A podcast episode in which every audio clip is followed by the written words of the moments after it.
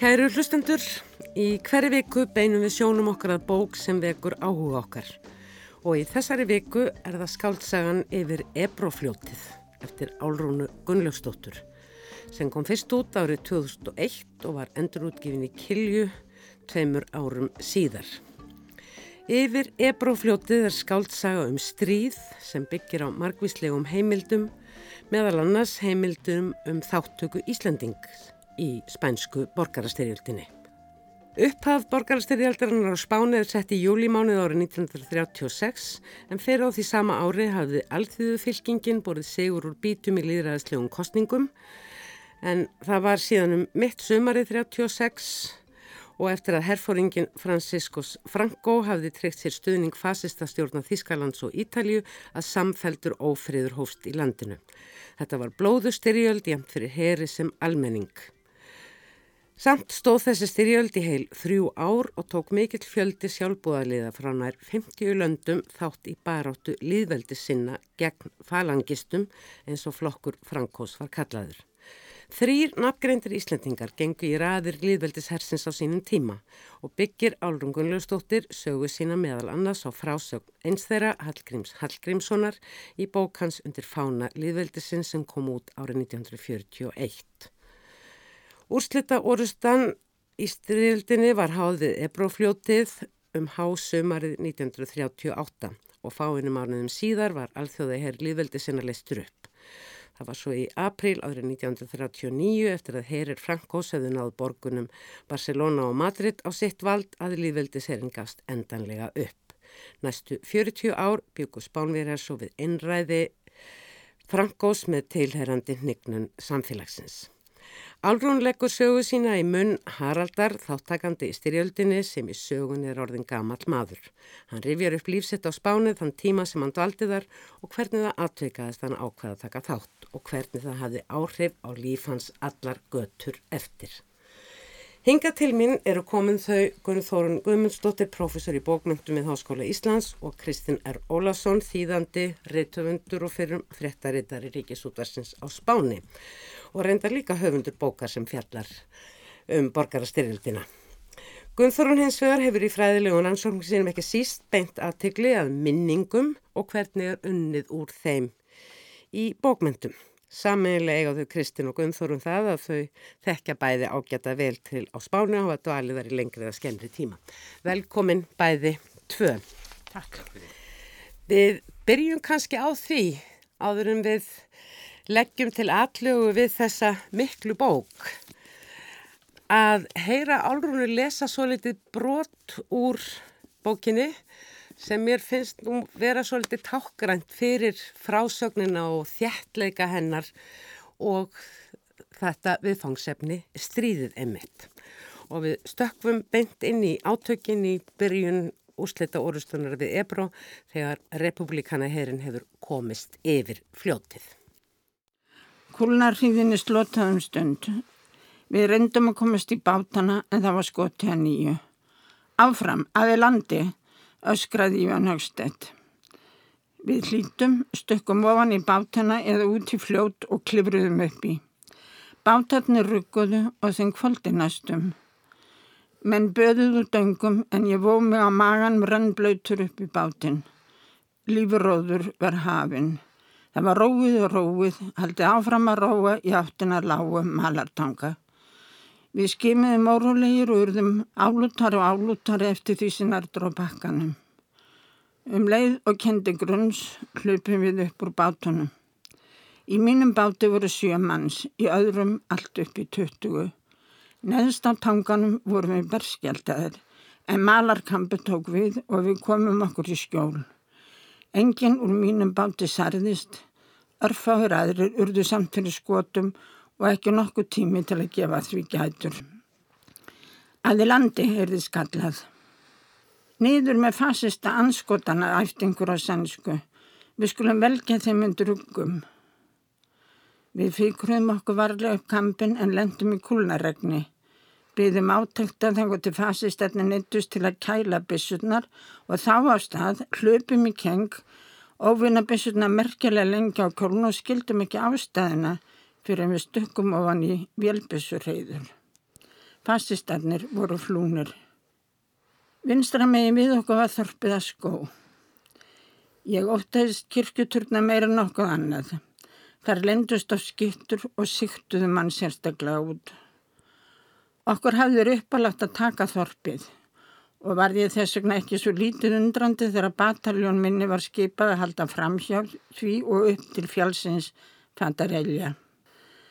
Það væri svo til alveg búið að herrtaka þorpið. Þar sem við hefðum tafist og verið eftir áallun hafði annara bataljón verið stemtangað. Ég varð órólegur yfir breytingunni. Fjallið var langt í burtu.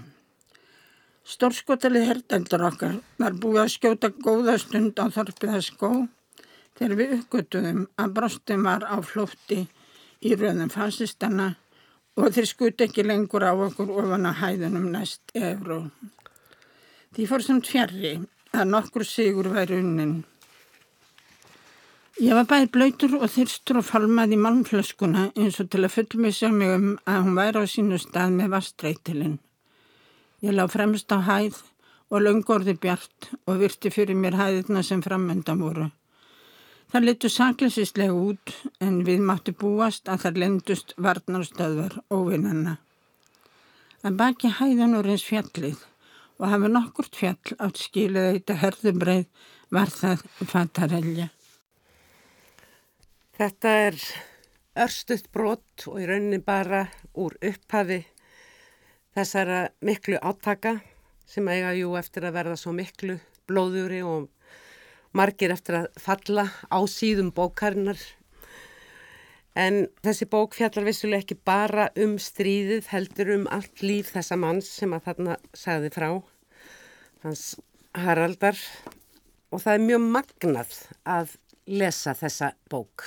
Hvernig þetta stríð fyrir 80 árum verður einhvern veginn alveg ofbóðslega lifandi, alveg inn, inn í lykt í rauninni. En mér langar að spyrja ykkur þegar þið lesið þetta núna, þið þekkið þessa bók nú vel og hafið vantarlega að lesa hennar líka á sínum tíma þegar hún kom út. Hvað finnst ykkur svona standa upp úr í þessu mikla verki álrunar? Mér finnst þetta eiginlega sko kannski uh, hennar, eitt, hennar allra sterkasta verk. Já, ég er eiginlega saman á því sko að, að í því koma fram allir hennar helstu kostir. Hún er náttúrulega gríðarlega færi að byggja upp frásögn og, og, og þarna er hún með mjög hérna uh, flottan ramma utanum stríðsfrásögnuna sem kom kannski að, aðeins síðar.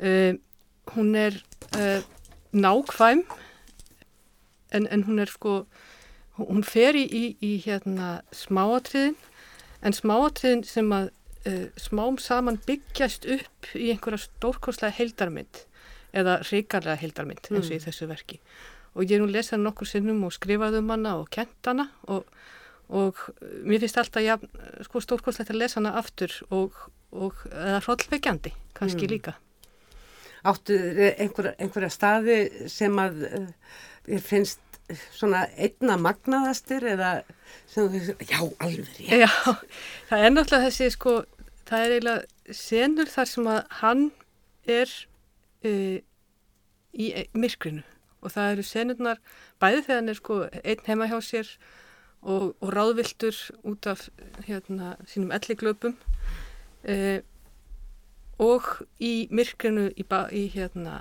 á Spáni í, í fjöllunum, í fjöllunum. Og þegar hann hérna, er líka ráðviltur og veit heldur ekkert hvað er að gerast ekki frekar hann að veita þegar hann er hérna, orðin gammal maður. Mm.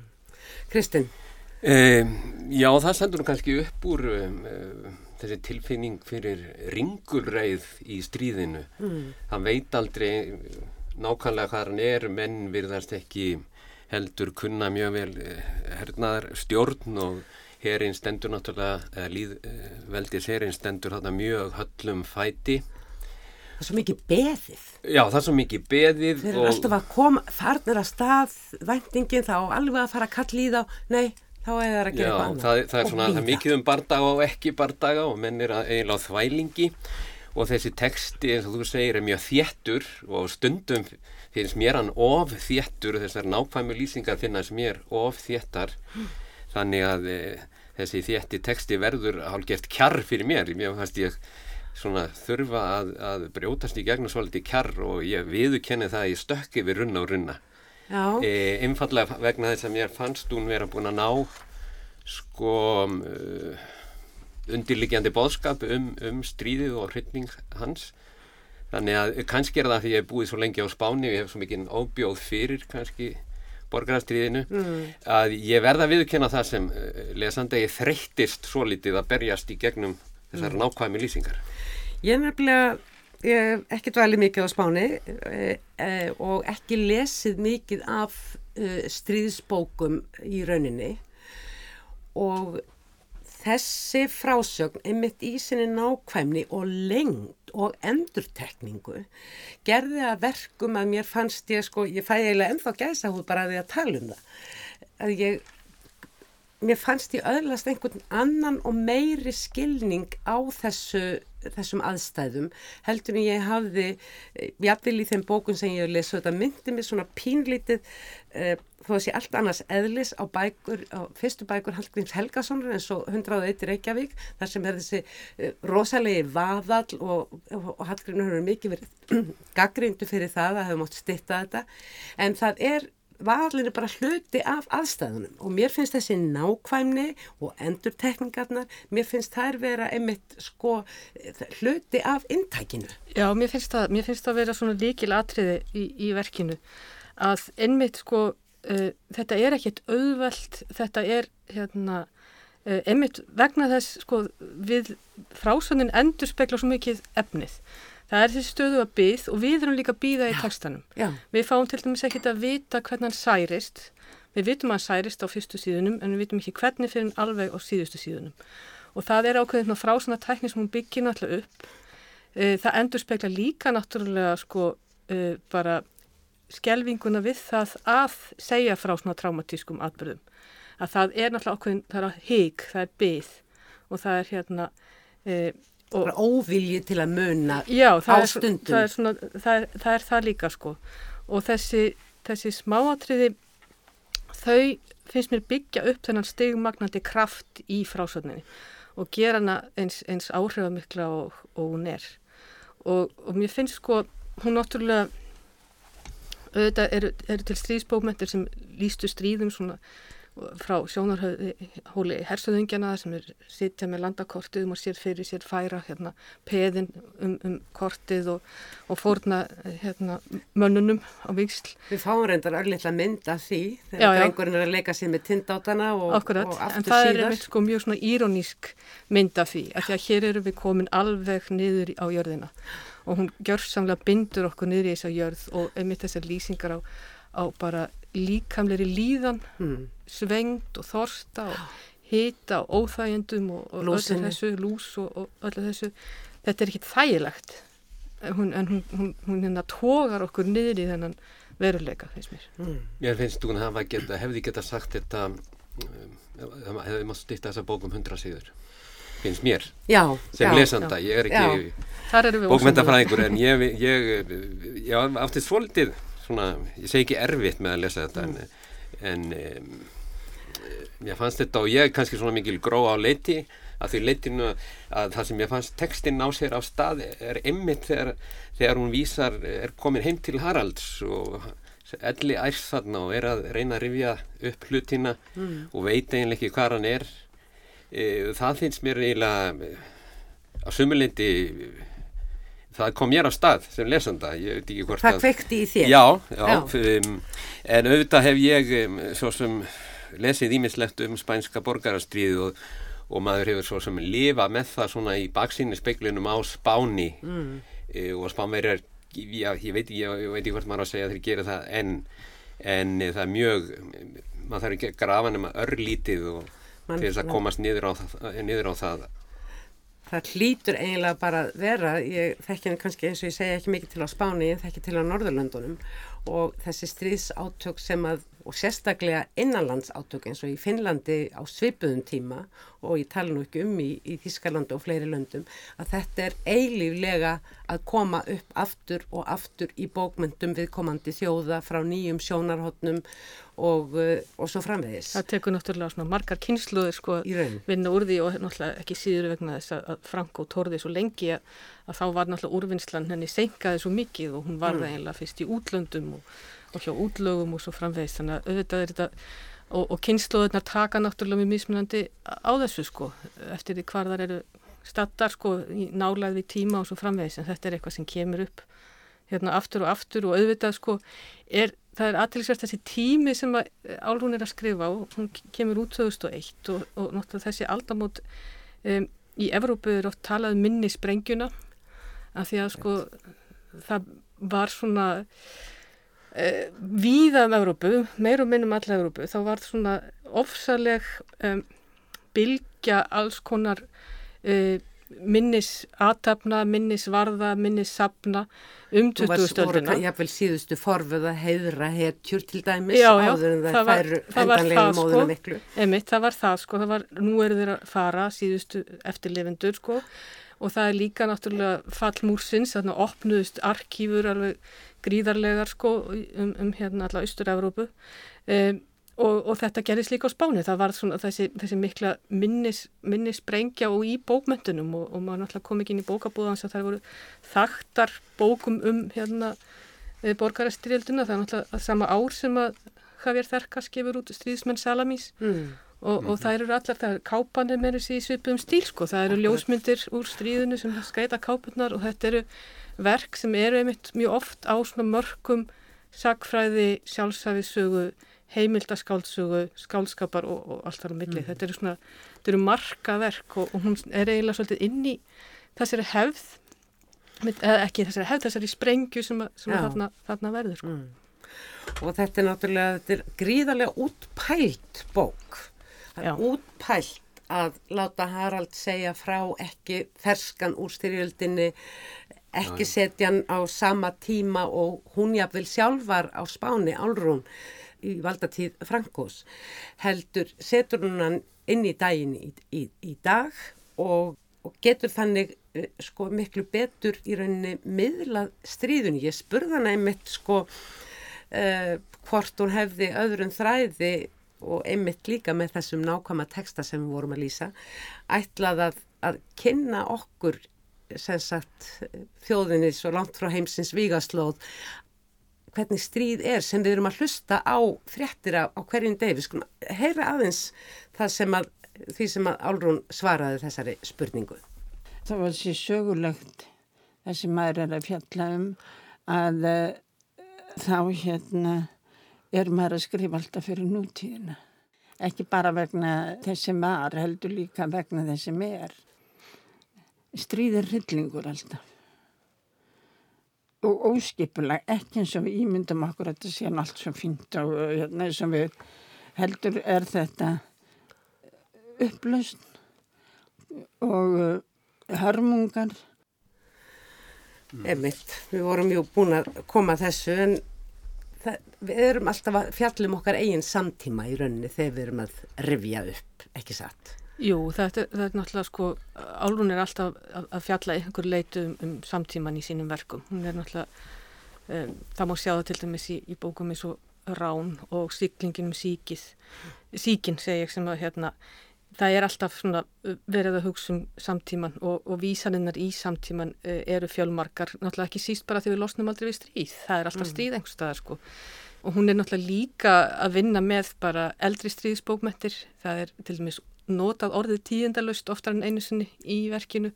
Þannig að hún er náttúrulega Samanbyrð tíundalust á vestuði stóðunum hún, hún er hérna náttúrulega mjög meðvituð um það. Og, og þetta var náttúrulega líka eitthvað sem að nefndu mínir greipu mjög að því voru nú að lesa hana bara í, fyrir tveimur vikum í námskeiði og, og þau einmitt e, fóru að tala um sko e, sérstaklega lokinn þegar hann kemur yfir til Fraklands og það er ekki hérna, mannúðar samtök sem taka á móti heldur er það óerðarlauraglann mm. og þetta er náttúrulega kalla svo mjög á við hérna, flóttamanna ströymin núna sko. Rýma bara við fréttir dagsins. Já, þetta er, al, þetta, þetta er þannig að þó að hún sé skrifuð fyrir 14 árum þá, þá rýmar hún enn við sinn samtíma og, og, og það er endar, sko, þegar við fórum að fjallum þetta eins með þennan mikla flóttamannaströym sem varð til Fraklands náttúrulega á þessu tímabili, að það var eitthvað sem þau til dæmis hafðu ekki hugmyndum, sko, þetta er fullorðið fólk, Talar sko, sem einmitt ég er um að það í kenna. viðtalinu líka. Já, Mér finnst hún líka uh, uh, vefa mjög vel inn í textan sko, stjórnmála ástandið í Evrópu, maður les það allt um kring, uh, ekki bara á spáni þar sem hver höndin er upp á móti annar í, í, hjá liðveldinu, heldur uh, við höfum þarna kommunismann, fasismann, allt um kring, Stalin að styrkja líðveldið en, en, og vestrænar þjóðir halda að þessir höndum. Í skjóli hlutleysis. Já, já. Já, hún nefnilega, einmitt, hún sýnir mjög sko fram á hvað þetta var flókið samspil alls konar þátta og, og einmitt hættuna við það að halda sér höndum sem er náttúrulega líka stöðugt uh, hérna, umhugsunarefni fyrir okkur. Svo Hvenar finnst- á maður að, skipta sér af og Já. hvenar ekki? Og svo er þetta spurningun um, um hugssjónirnar sem ég... Ég ætlaði um þetta að fara að segja. Já, að, að þar, Allar þessar fylkingar sem, og þetta var jú í flestum þeirra, var þetta hugsunafólk. Já. Anarkistarnir, kommunistarnir já, og svo framvegis. maður hefur samt einhvern veginn á tilfinningunni að hann sé ekki algjörlega 100% sannfærður kommunisti Kannski og ekki allt til dauðadags. fer, fer, fer svona fljótlega að sjá gallana uh, á því og hann er látið segja hérna þegar hann er einmitt komin yfir til, til Fraklands sko, ég hét við í París að láta stjórnmál aldrei ná tökum á mér ég finnst þetta mjög góð setning í þessari bók. Já, einmitt. Og líka sko, hann er ekki hann er, hann er flókin persóna sko, hann er ekki Hann er einhver svona persóna. bara eh, maður sem fer út af einhverjum hugsunum, það er alls konar aðrar ástöðu líka. Mm. en, en það er líka sko einmitt heimkoman þegar búið að leggja niður flokkin sem sendan þegar hann kemur aftur heim. Og, og, og náttúrulega eh, einmitt hans evasendir eru eh, komið mjög fljótt sko eins og þú nefnir. Það, það er komið mjög fljótt eftir að hann mætir á staðin þá, þá hérna fer svona helsti hugsun og ljómin af mjög Nákvæmlega, fljótlega. Hann fer einhvern veginn að sjá í gegnum, gegnum hlutina. Ég hérna, þegar ég fór að lesa bókina núna aftur og bara tiltölulega uh, fljótt, þá myndi ég eftir hvað Haraldur hafði á köplum á sínum tíma farið í töðan á mér. Hvað mér hafði fundist hann óendanlega svona leiðinlegur og, og oft svona snakillur og, og, og, og stuttur í spunan og ég ákvaða, ég skildi nefna þetta við höfundin. Uh, og uh, við skulum heyra hverju hún svaraði þessu því. hann mátti náttúrulega alls ekki vera fullkomin en eh, en ég auðvitað það sem aðeila vakti fyrir manni það er að gera lifandi og það sem er eh, sko, skilur að lifandi fólk og skaldsagna persónu er það að það verður að vera vist jafnvægi í skaldari persónu sko, eða, mjög, eða mótsagnir personur í sögu verða að vera svolítið samkvæmur eða ósamkvæmur sjálfur sér en það er ekki hægt að gera þær flóknar eins og mm. lifandi fólk en miskusti tel ég mig ekki geta gert það samband þeirra hjóna, Heddu og, og Haraldar. Það hefur nú ekki alltaf verið auðvelt að búa með honum. Nei, hún lætur hann ekki alveg ráða för og, og reynda sonurinn ekki heldur og hann hafði mitt bersinilega stjórna svolítið. En uh, þú gerir hann líka, hann Harald, hann er uh, prinsipmaður. Já, þegar hann er búin að taka ákvörðum þá fylgir hann eftir og, og hérna og hann er líka góður kommunist sko.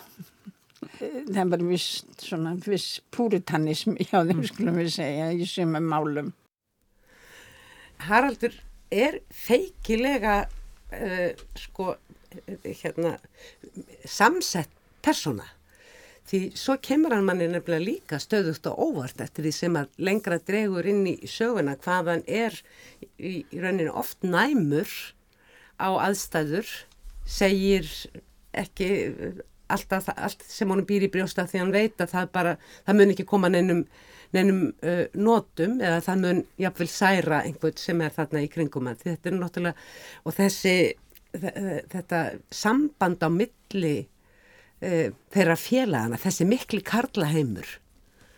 Já, eh, hann, ég held að hann gæti líka tungur sinna svo litið bara pólitískum ástæðum þarna eru, eru eh, njósnarar á ferði eða hann getur farið illa fyrir með eins og eins og ég mann rétt Karli til að mynda þegar hann er Mm. reynilega tekin í yfirheyslu og Já, um það er náttúrulega mikið gert úr því að það, það má ekkit segja allt. Nei. Alls, Maður alls veit ekki, aldrei. Nei, maður veit aldrei og alls ekki við hvert sem er og heldur getur maður ekki trú á því sem maður heyrir af því að maður veit aldrei hvað, hérna, hvað liggur á baki, hvort þetta er áróður eða, hvað. Og, og það er náttúrulega, það er mjög svona skemmtilegt sko, verið, hvernig hún vinnur með bara svona frásvagnar elementin í þessu af því að e, hann getur raun og verið ekki sagt sögu sína fyrir en þarna. Það er ekki pláss fyrir hana í íslenskum veruleika á þessum tíma. Það er ekki pláss fyrir hann óhugnað. Og auðvitað er þetta ákveðið svona þema í sambandi við bara hermenn sem koma aftur úr stríðum. Það er bara ekki pláss fyrir sögur þeirra af, af skelving. Þeir hafa upplifað það sem er sko algjörlega fyrir utan einhvern eh, hérna, hverstak annara og svo framvegst. Þannig að það er ekki pláss fyrir það. Og, en um leið sko þá sko afneitar hann ákveðnum hlut af, af sjálfum sér með því að segja ekki söguna sko og hann náttúrulega svíkur lofarði við, við vinnin sko sem, að, sem hann skilur eftir hérna á, á flóttanum Mm. Segja söguna fyrir Já, honum. já. Og, og þetta er náttúrulega, þessi rammi er mjög flottur sko, það, það er þetta minnisleisans, það er náttúrulega í fyrsta lagi, þetta bara, það er hérna elliklöpin, hann er, hann er greinilega hérna, með slík og, og, og ræður ekki alveg við hérna, skamtíðaminnið, Mm. langtíðaminnið er í fullkomnu nákvæmlega. en um leið sko þá verður hann eh, fer maður sjálf, sjálfur að efast eitthvað um frásögnans vegna þess hvað hérna, hann er fann að glefa miklu og vegna þess hver flókið það er fyrir hann að segja söguna út af þessum pólitísku aðstæðum, út af þessum fjölskyldu aðstæðum og Og út af líka því hvernig hans sannfæring uh, þróast. Já, Það vekur líka ákveðna tortryggni. Það er ekki samræmi við hetjuæfintýrið. nei, okkur Það, það fannst mér einmitt, eh, þú talar um, um þetta minnisleysi eða e, kallin er náttúrulega orðin elli ær e, þá fannst mér á, á köplum sko í stríðstekstanum hefði mátt vera svolítið meira af innskotum e, um minnisleysi menn manni, ég, ég fekk á tilfinningu að það væri of Nákvæmt en- já, við það. gott minni fyrir hann já. að, að muna Já. Og þa- já, það er þetta líka, það er eiginlega gefið svolítið í skín líka með því að hann situr með hérna, með sko þetta eldgamla kort í höndunum sem er ógreinilegt og hann rínir í það í, í raun og veru bara í tungsljósi. Að að segja það, mánin er nú En- hans já, hættur. en þetta er líka svolítið svona, þú veist, prústvísun, hann sér korti og þá opnast honum heil heimur, svona eins og matalinu kakan hjá, hjá prúst. Mm. Að þá allt í einu opnast fortíðin hann fyrir honum. En, en í raun og veru er hann líka, sko, hann er ekki að segja neinum söguna. Fyrir hann þarna í lokin minnist á kannski hefur barnabarnið áhuga. Mm. En það er þetta með, með hugssjónina og að svíkja hugssjónina og við hvaða aðstæður það gerist og stundum þarf ekki einu svona aðstæður til heldur bara svona einhverja breytingar á, á lífimanns uh, samanber útistöðuna við munda hérna máans, ekki satt og það er þarna alveg undir lók bókarinnar þegar þeir eru saman á, á sjúkrahúsinu þarna Andrés hinn knái og uh, Haraldur að þá segir, ég held ég man ekki hvort þeir eru að vitna í einhvern. Menn eiga að virða óvinni sína, annars er voðin vís. Og þetta er, þetta er svo margraði setning því annars vegar felur þetta náttúrulega í sér að maður með ekki vann með þetta óvinni sína og styrk þeirra til dæmis í stríði. En þetta felur líka í sér uh, að, uh, að stundum uh, gerir maður of mikið úr mun á til dæmis á milli, milli, milli í, í, í til dæmis í pólitískri sannfæringu. Og, uh, og sýnir ekki nægilega alúð eða, eða, eða sveianleika og, og svo skellur á stríð. Það er svo sem spurning hvernig maður uh, svíkur hugssjónir sínar, hugssjónirnar geta breyst, uh, stefnur geta tekið, uh, uh, vindar geta blásið á ímsa vegu í lífinu og menn sjá, sjá eitthvað nýtt. Mér finnst eins og í þessu vera svona líka uh, uh, á, uh, kritík á, á Sovjetríkin til að mynda og, og kommunistana og allt það. Mm. Já, mér finnst undirliggjandi vera heilmikil umfjöllun um alla þessa ströyma sem að voru við Mhm. líði og hvernig uh, þeirra svona samsláttur varð. Þe- Þeir náttúrulega blésu En- allir á Spáni samtímis.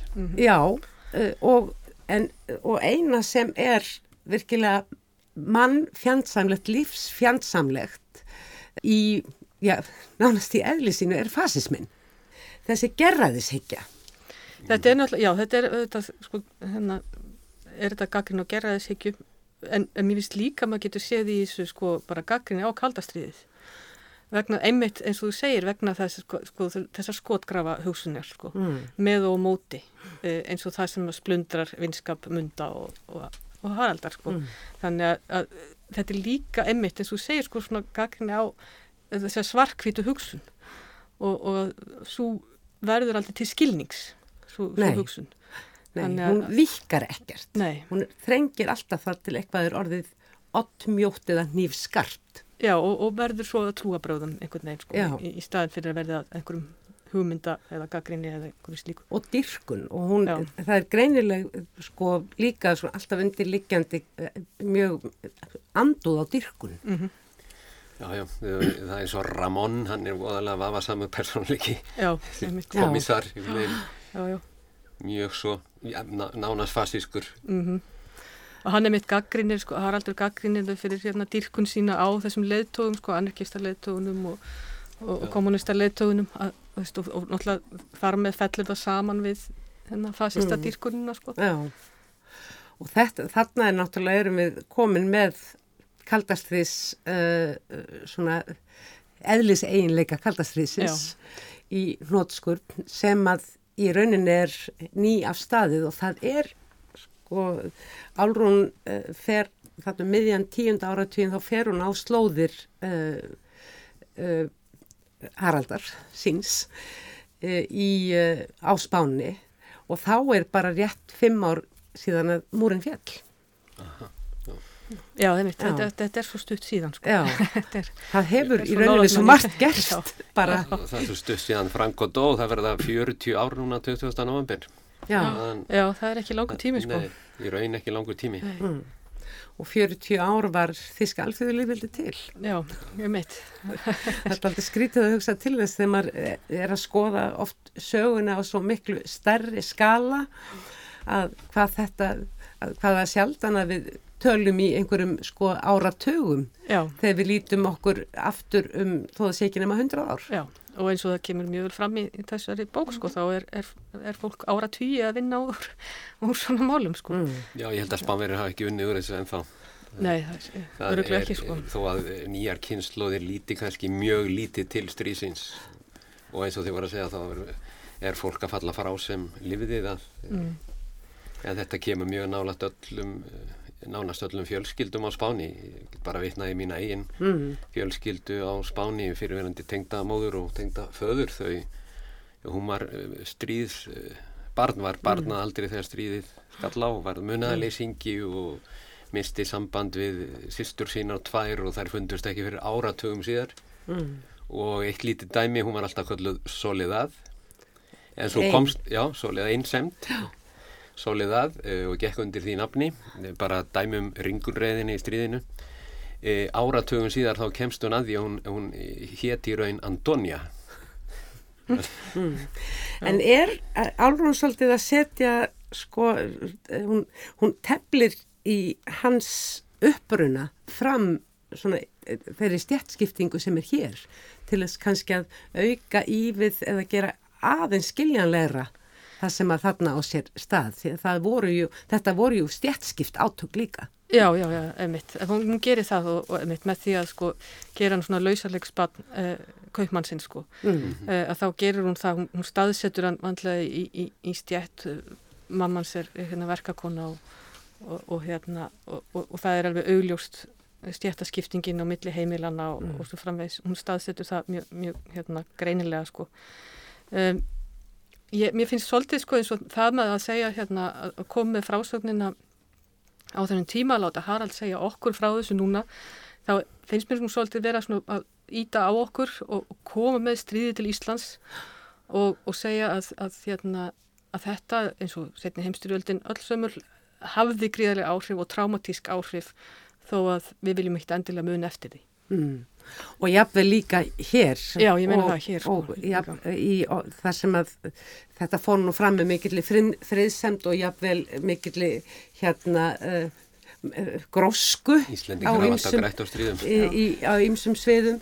Þá voru hér líka uh, mjög alvarlega hliðar uh, sem eru í eðlisínu ekkert ólíkar þeim fórsendum sem að, sem að, að þarna voru í gangi. Mm -hmm. ef við tökum hérna eða, eða á Norðurlöndunum tökum þessa nýlegu kvikmynd sem að heimildamyndum kleppi á sér ekki að stúrkurnar til dæmis. Já, einmitt. En Þú uh, skrifaði líka bók um stríð og það, borgarastyrjöldina, það tengdist eitthvað þessari fjölskyldinu, er það ekki? Uh, það er náttúrulega bók, við sækjum á sömu slóðir við Álrún með í bók Hallgríms, hann heitir Hermann hjá mér, Hermann B. Hermannsson, en það er náttúrulega allt öðruvísi sögu. Önnur umgjörð. Já, önnur umgjörðu bók sem gerist í raun á spáni og og ég er persóna í bókinni eh, er að taka viðtal við gamlan mann mm. Eh, sem er síðan myrtur það er svona umgjörðin og hann er e, já, stríðisfélagi þessa Hermanns þetta vefst þannig áfram mm. en ég vitna í e, ég reynir svolítið að stæla stílin hjá, hjá sko Hallgrími mm. því að stílin á í, hann er svolítið svona háflegur svolítið háttstemdur stílin á undir líðveldisfána mm reynda að gera það og skrifar þetta náttúrulega svo skömmu eftir að hann já, kemur heim, hann kemur já. út bara 41 e, og, og, og til að mynda þótti mér merkilegt ég svona, gerði svona smá rannsóknarvinnu. E, það, það er svo sem tengið því sem við vorum að tala um hvað menn tóku skýra afstöðu hér á landi. Ef maður les til að mynda morgumbladið, mm. það er mhm. alveg greinilega á sveif með Franko það maður þarf ekki að lesa hann marga línum til þess en aftur alþjóðublaði og þjóðvilin auðvitað á, á bandi lífveldisins, ja. menn skipa sér greinilega í fylkingar hér lendis líka. Mm. Þetta, þessi tvískipting hún var, var langlýf já, og var snemma til. En þú myndist á nefnendu þína. Ungir íslendingar eiga þeir auðvelt með að já, hvað ég segja, hrífast eða ná tengslum við verk eins og, eins og þetta? Já, já, þetta er náttúrulega sko, ég var nú að kenna þetta í meistranámskeiði og þetta eru fullorðið fólk, fólk þó þetta sé ungt fullorðið fólk en, en hérna, já, já, það var alveg, alveg greinilegt sko að þau höfðu mjög, mjög gripið þetta og tengslum við samtímanum sem ég nefndi áður, tengslum við hérna flótamennina mm. og uh, og svona það sem við vorum að skoða var þessi samflétting uh, eða sagfræði og skálsu og mm. hvernig, mm. hvernig hún vinnur með það og, og, og, hérna, og þau voru mjög hrifin af því sko. Hún eh, vinnur náttúrulega alveg gríðarlega heimildavinnu. Hún nefndi viðtali við mig uh, sko tvö verk sem hafði verið henni mikill, já, innblástur eða komið hennar stað. Fyrsta lagi sagfræðiritt eftir breyta sem kom bara út á, meðan, á hennar háskóla árum þar sem að uh, styrjöldinni, þar sem að loksins var á, e, í einu riti eitthvað sagt um þessa styr, styrjöld sem heyrðist mm -hmm. bara annarkvort í húrarrópum á hátíðstögum eða í, í kvistlingum og hins vegar var það uh, held ég einhver herfóringi uh, sem að flúði síðan til Mexiko sem hafði skráð nákvæmlega allar, það var með herskrá á svona allar megin orustum og allar megin hérna uh, áformum í hernaðinum sem að var henni mikilsverði. Þetta er, þetta er, þetta er held ég að hljóta, er þetta ekki alveg korrétt? Veit nokkur um manna? Maður efast ekki sko, jafnvel þó maður efist um, um minni sögumannsins þá efast maður ekki um sko Þetta er ánlega þetta er sögulega rétt sko.